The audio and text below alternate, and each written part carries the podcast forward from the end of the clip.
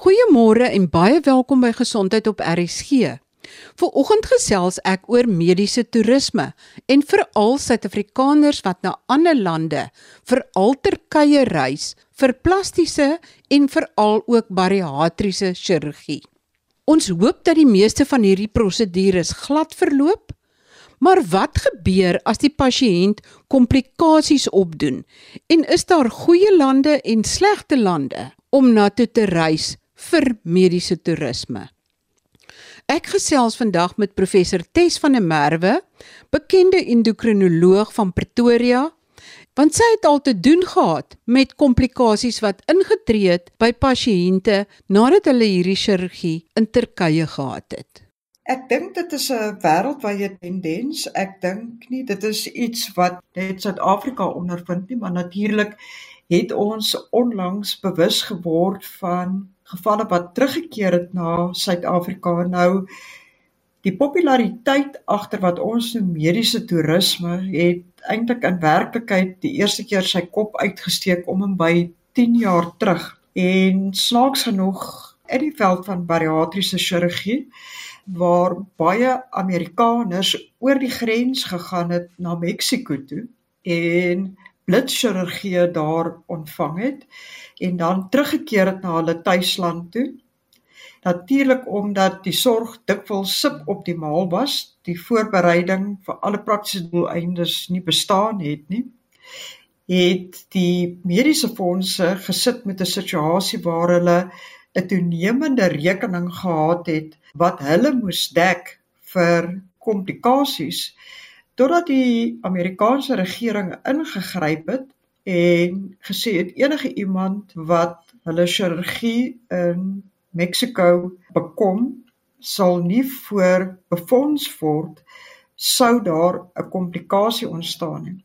Dit was nie kort daarna nie toe het die hele Europa, meestal België veral, Engeland ook tot 'n groot mate deur presies dieselfde krisis gegaan met baie van die gevalle wat na Indië toe gegaan het.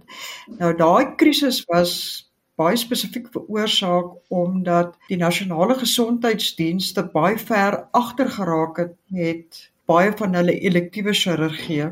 Op een stadium het dit so ver gegaan dat België en Frankryk alle bariatriese chirurgie vir 6 maande totaal gestaak het net om die situasie te ontleed en te kyk hoe gaan hulle dit weer oopmaak en hertoepas want hulle het weer presies dieselfde nagevolge begin gaan as waardeur Amerika gegaan het met Mexiko. En toe was daar natuurlik uiteraard tydens Covid toe daar nie eintlik gereis was nie, was daar 'n leemte en nou sit ons skielik met 'n situasie waar veral lande soos Turkye baie beïnvloeders gebruik om pakkette aan te bied. Daar is ander lande soos Suid-Korea waar dit 'n baie spesifieke ekonomiese en politieke besluit was, maar met ander intensies. So jy sit in 'n wêreld 2024 waar sosiale media 'n geweldige impak het op die besluit van jou publiek. En baie van hierdie pakkette lyk ongelooflik belovend. Dit kan selfs goed insluit soos 'n vliegtuigkaartjie, oornag akkommodasie in 'n hotel, 'n uh, een nag in die hospitaal en dan moet jy huis toe gaan. En natuurlik het dit nie lank gevat voordat ons in Suid-Afrika presies daai probleme begin ervaar het waardeur baie ander vaste lande al is nie.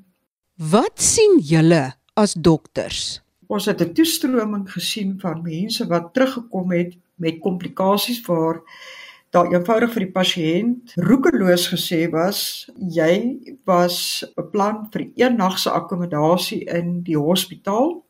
Ons het ongelukkig nie die vermoë om jou verder in die hospitaal te hou nie want dit pas nie in by die begroting nie jy moet nou maar op die vliegtuig klim en huis toe gaan en dit daar gaan uitsorteer. As jy kyk na hoe hulle hierdie pakkette aan mekaar sit, dit is baie aanloklik Daar's byvoorbeeld geweldig baie mense wat uit Engeland uit op die oomblik na Turkye toe gaan vir veral plastiese chirurgie en bariatriese chirurgie. Nou, hulle is almal mense wat verklaringe op hulle sosiale media moet plaas. Dit is 'n wetsvereiste van wie hulle geborg het, so dit is geborgde beïnvloeders. Maar natuurlik lyk dit baie aanloklik want die pakket as sulks word verkoop as 'n suksesvolle goedkoop opsie vir mense wat desperaat is en moet kyk na 'n lang waglys by nasionale gesondheid waar daar vir hulle gesê word maar daar's nie eers 'n kans dat jy hierdie chirurgie sal bekom binne die volgende 2 of 3 of selfs 5 jaar nie is dit natuurlik 'n groot aanloklikheid maar dit gaan nie lank hou as jy nie substansie kan gee aan die belofte nie Dit is my eie voorspelling dat binne die volgende paar maande of selfs 'n jaar sal dit wel tot 'n einde kom want op een of ander stadium gaan ons eie mediese fondse begin sê maar hoekom is ons besig om te betaal vir komplikasies van 'n primêre chirurgie wat nie onder geakkrediteerde omstandighede plaasgevind het nie. Professor van der Merwe, is daar ander lande waar die chirurgie wel in geakkrediteerde sentra gedoen word? As jy dan in stille kontras kyk na ander lande waar Suid-Korea byvoorbeeld 'n absolute wilsbesluit geneem het om 'n baie sagte politieke aanslag te neem om hom by miskien selfs so lank terug so 7 jaar terug en hulle het gedoen om dit in 'n sterk kontras te stel met lande soos Noord-Korea waar daar 'n baie harde politieke aanslag was en hulle het dit baie suksesvol reggekry want hulle het entiteite begin vestig soos K-pop, K-beauty en so aan. Hulle gebruik ook beïnvloeders, maar as jy kyk na die kultuur waarin dit plaasvind, is die uiterste klem wat daarop gelê word een van uitmuntendheid. Dit is 'n vorm van 'n nasionale identiteit wat gevorm is waaraan daar 'n hoë vlak van trots geheg word en dit is amper onaanvaarbaar vir die Suid-Koreaanse regering om enigsins betrokke te wees by 'n pakket wat aangebied sou wees wat nie absolute meriete sal hê nie. Ek dink dit het terselfdertyd ook ingepas by 'n baie anderste kultuur Marie waar ons kinders sal hê wat op 18 jaar 'n kar van hulle ouers af sal ontvang ontvang hulle as 'n reël as deel van hulle kulturele opvoeding ontvang hulle 'n pakket vir plastiese chirurgie.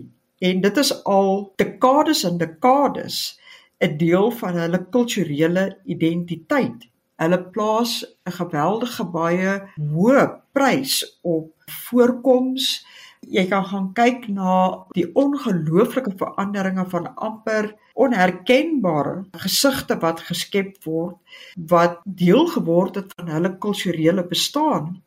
Maar daar was altyd ten alle tye 'n baie hoë klem en 'n vereiste en wetgewing van die Suid-Koreaanse regering om seker te maak dat dit wat aangebied word van 'n absolute wêreldklas standaard is. En so sal jy byvoorbeeld vandag Amerikaners vind wat na Suid-Korea toe reis suiwer vir die plastiese chirurgie afhangende van watter pakket jy volg en watter beïnvloeder jy gevolg het is die omstandighede enige iets van prysenswaardig tot uitnemend luks daar's van daai hotelkamers wat letterlik suites is wat eintlik 'n hospitaalsuite is. 'n voornemende mediese toerist moet dus liefs baie goeie navorsing doen oor die aanslag van die spesifieke land en die spesifieke kliniek voordat hy of sy oor see reis vir die chirurgie. Ek dink daar is 'n baie groot verskil in die klem wat gelê was in verskillende lande. Ek glo tog tensy dit nie absoluut gereguleer word deur 'n baie ferme hand van die regering se kant af nie, kan dit baie vinnig in 'n groot gemors verander. Tot watter mate die huidige tendens sal voortgaan waar mense reis vir bariatriese chirurgie, plastiese chirurgie, selfs ander chirurgie, hoe lank dit sal voortgaan sal afhang baie van waar elke individuele land se gesondheidsorg tans homself bevind en waar hulle national health hulle self bevind. Sal dit altyd by ons wees sonder enige twyfel hoe ons dit gaan hanteer is baie meer van 'n uitdaging en vir ons eie mediese fondse gaan dit binne die volgende paar maande 'n groot uitdaging word want daar word oorbeloof deur sekere van hierdie lande en dit is nie meer realisties nie. Dan sit jy met 'n tweede groot enorme probleem is jy het nou 'n bariatriese chirurgie gehad wat gaan vereis dat iemand jou opvolg. Jy het sekere nutrisionele aanpassings wat gemaak is. Jy het sekere vitamienaanvullings wat gedoen moet word. Wie gaan dit nou doen? wie gaan pa staan daarvoor? Soos die tyd aanrol, sal ons wel sien hoe die gemorspakkie wel op die tafel beland. Met ander woorde, dit is veiliger om dan maar eerder Suid-Korea toe te gaan as jy dan nou regtig waar nie hier kan bariatriese of plastiese chirurgie kan kry nie, maar ek kan ook nie dink dat dit regtig goedkoop is nie as om na 'n land te gaan soos Turkye waar jy letterlik net die chirurgie kry en dan ook eintlik uitgeskop word om terug te kom en dan moet jou komplikasies in Suid-Afrika hanteer word. Daar's absoluut geen koste-effektiwiteit wat daaraan gekoppel is uh, vir lande soos Turkye en so meer nie. Op die oog af lyk dit belovend, maar as jy die totale uitgawepakket moet aan mekaar sit, nie net van die chirurgie nie, want dit is wat hulle doen. Hulle sê vir jou, "Wel, dit is wat die chirurgie jou gaan kos. Dit is wat die pakket gaan behels, maar daar's 'n groot mate van ekonomiese oneerlikheid wat daaraan gekoppel is, want daar's geen voorbereiding punt nommer 1 wat plaasvind vir hierdie pasiënt nie. So jy loop eintlik blindelings in 'n proses in. Daar's miskien 'n vinnige ondersoek of 'n konsultasie, maar in reële terme weet die dokter eintlik nie wie jy is, wat jou agtergrondgeskiedenis is, wat jou siekteprofiel is en jy gaan met daai selfde siekteprofiele huis toe.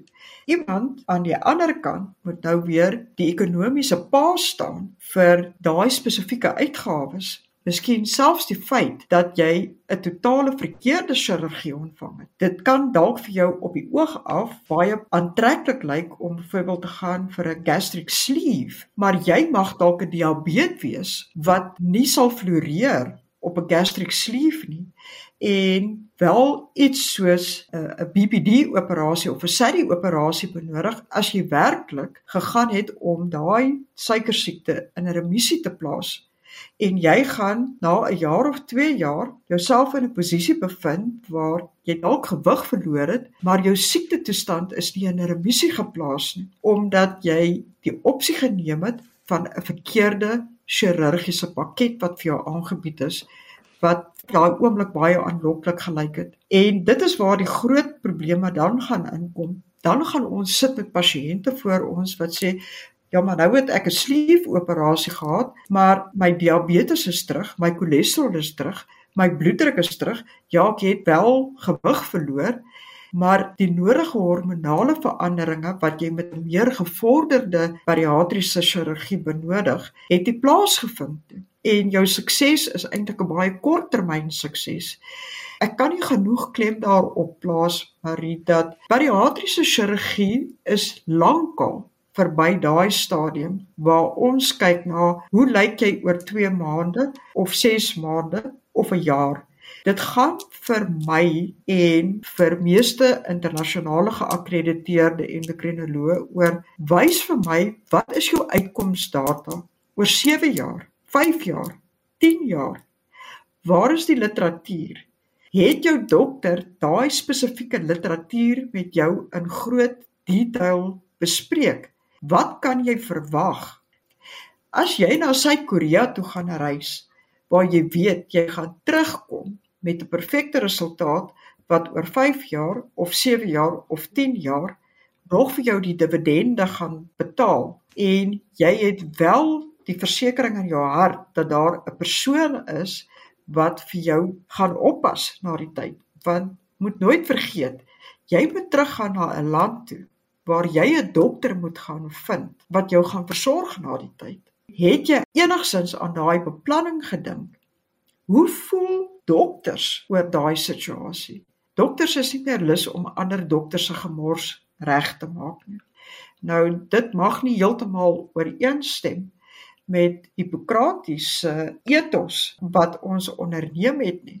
Maar dan aan die ander kant sit jy weer met 'n dokter wat gekonfronteer word met 'n situasie waar hulle voel hulle beheer oor die situasie verloor het as gevolg van 'n pasiënt se sekere wilsbesluit. Ek gesels nou verder met professor Tes van der Merwe, bekende endokrinoloog van Pretoria, en ons gesels oor mediese toerisme en ons kyk spesifiek na plastiese chirurgie en bariatriese chirurgie wat veral in lande soos Turkye gedoen word. Dit is deesdae 'n baie geliefde bestemming vir pasiënte wat plastiese en bariatriese chirurgie wil ondergaan en hulle bemark hulle self ook baie sterk hierin. Professor van der Merwe, ek neem aan jy was alself in so 'n situasie wat jy komplikasies moes hanteer van 'n pasiënt of pasiënte wat in Turkye of 'n ander land chirurgie ondergaan het en dan terugkom met ernstige komplikasies. Dit is baie waar Marie en ons is klaar gekonfronteer met soortgelyke situasies. Ek persoonlik het deur so 'n proses gegaan met 'n uh, pasiënt. Sy het 'n bariatriese prosedure gehad en toe 'n pakket vir plastiese chirurgie in Turkye geneem. Dis hartverskeurende. Sy's 'n jong pasiënt, pragtige kind. Sy het in die nag begin bloei so erg dat haar ma vir my beskryf het die bloed letterlik van die bed af tot op die vloer geval het. Die dokter wat haar geopereer het, het geweier om terug uit te kom en gesê hy's jammer, maar dit is nie in die kostebegroting ingewerk nie. So dit is duidelik dat hierdie pakkette uitgewerk word sonder enige voorspelling van 'n moontlike komplikasie wat kan plaasvind. Gelukkig was haar ouers in 'n finansiële posisie om haar vinnig terug te bring na Suid-Afrika en gelukkig na vele onderhandelinge met die mediese fonds omdat sy in 'n lewensbedreigende toestand was ek meen haar hemoglobien het geval van 14 af na 4 toe dat sy dit enigsins lewendig teruggemaak het op daai vlug was 'n wonderwerk. Maar omdat dit 'n lewensbedreigende situasie was het hulle toe wel toestemming vergun dat sy opgeneem word vir stabilisering en bloedoortappings en dis meer dan vra jy jouself af maar hoeveel gaan die mediese fondse hiervan verduur voordat hulle gaan omdraai en sê ja, jy is dalk wel 'n mediese fonds pasiënt. Dit mag dalk wel kwalifiseer as wat ons noem 'n PMB, 'n primary medical benefit, maar ons het nie ingestem dat jy hierdie chirurgie onder hierdie omstandighede in 'n ander land onderneem nie en jy sal dus maar jouself moet wen tot 'n staatshospitaal. Dit gaan 'n enorme druk plaas weer op die staatshospitale wat moet sit met 'n pasiënt wat eintlik 'n privaat pasiënt is, tensy die ouers of die familie of die vriende of iemand dan te voorskyn kom met 200 of 300 of 400 000 rand om die situasie gestabiliseer te kry. Hierdie is al die enorme belangrike goed waaraan mense moet dink voordat hulle op daai vliegtyg kyk. Dit gaan nie oor 'n prentjie wat jy op sosiale media gesien het nie. Dit gaan oor die feit dat daai kwotasie wat vir jou aangebied was was deur spesifieke maatskappye onderskry of dit nou 'n toerisme maatskappy was en of dit 'n farmaseutiese maatskappy was uh, of 'n hospitaalmaatskappy, maar as jy gaan kyk, sal jy baie duidelik sien, daai beïnvloeders verklaar die feit dat hulle geonderskryf was om hierdie advertensie te plaas op sosiale media. Dit moet al klaar die rooi ligte laat aangaan, want daai sosiale media beïnvloeder doen dit weer vir hulle eie voordeel moet vir geen oomblik glo hulle kry nie 'n finansiële voordeel uit daai veldtog of advertensie nie. En tensy jy 'n land soos Suid-Korea het waar die beïnvloeders streng deur wetgewing gereguleer word en die hospitale en die pakkette streng deur wetgewing gereguleer word, moet jy daarom twee keer dink voordat jy jou tassie pak. Ek wil net vinnig terugkom na bariatriese chirurgie toe.